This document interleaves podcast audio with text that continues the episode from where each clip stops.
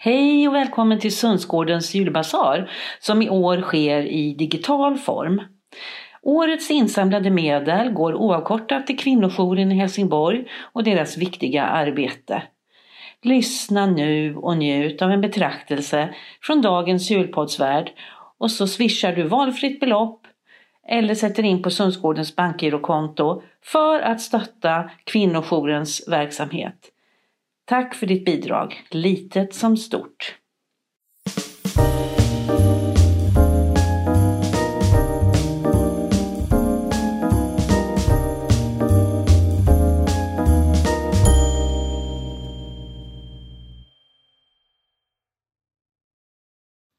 Vi behöver dig här, så löd uppmaningen i telefonen för skolans dåvarande rektor Alvar Kristiansson. Året var 1992 och den 17 februari började jag arbeta på skolan. Arbetslösheten i länet var stor och Sundsgården fick uppdraget att utbilda och fortbilda arbetslösa ifrån nordvästra Skåne.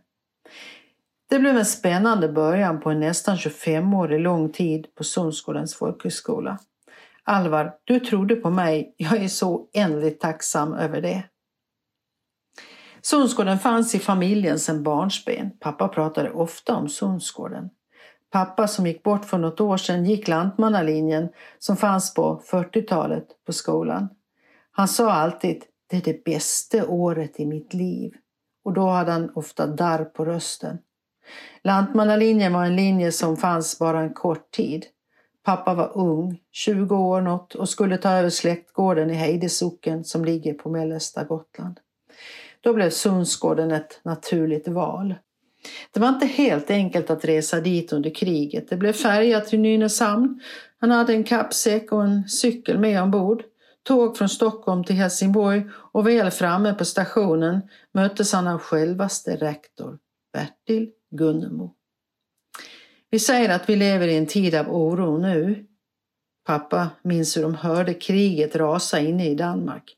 Prata om oro. Hur de fick släcka ner och arbeta i mörker. Hur en folkhögskolerektor ringde rektor Gunnemo mitt i natten och varnade för Hitler som var i antågande. Gunnemo väckte alla elever och de samlades till bön nere i kryptan. Deras tro hjälpte dem i den svåra stunden. Det här berättade pappa för ett gäng elever från Sundsgården som jag reste runt med på Gotland för några år sedan. Det blev några resor dit med personal och med olika elevgrupper. Mamma hade bakat bullar och kakor, dukat med vita linnedukar och tänt de där långa ljusen. Ungdomarnas ögon var stora som tefat.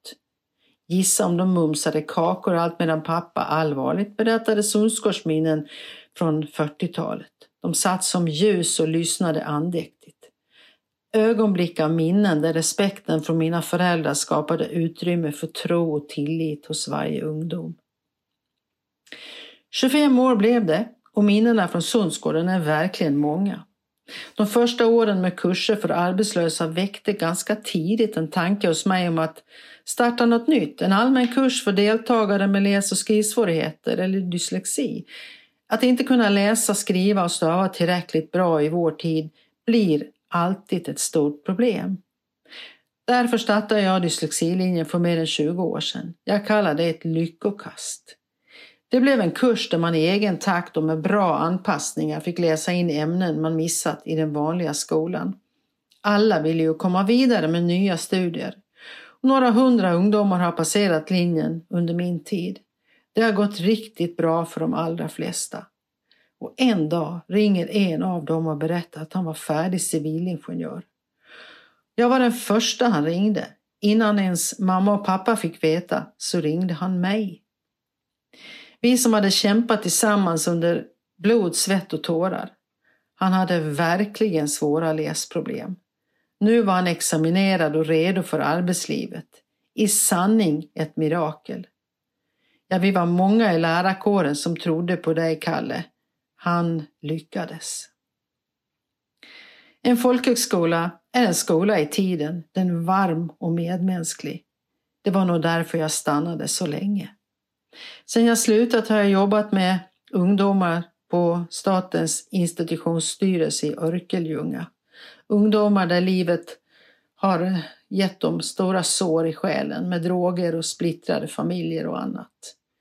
Att få vara en liten länk vidare för sådana ungdomar har också varit fantastiskt.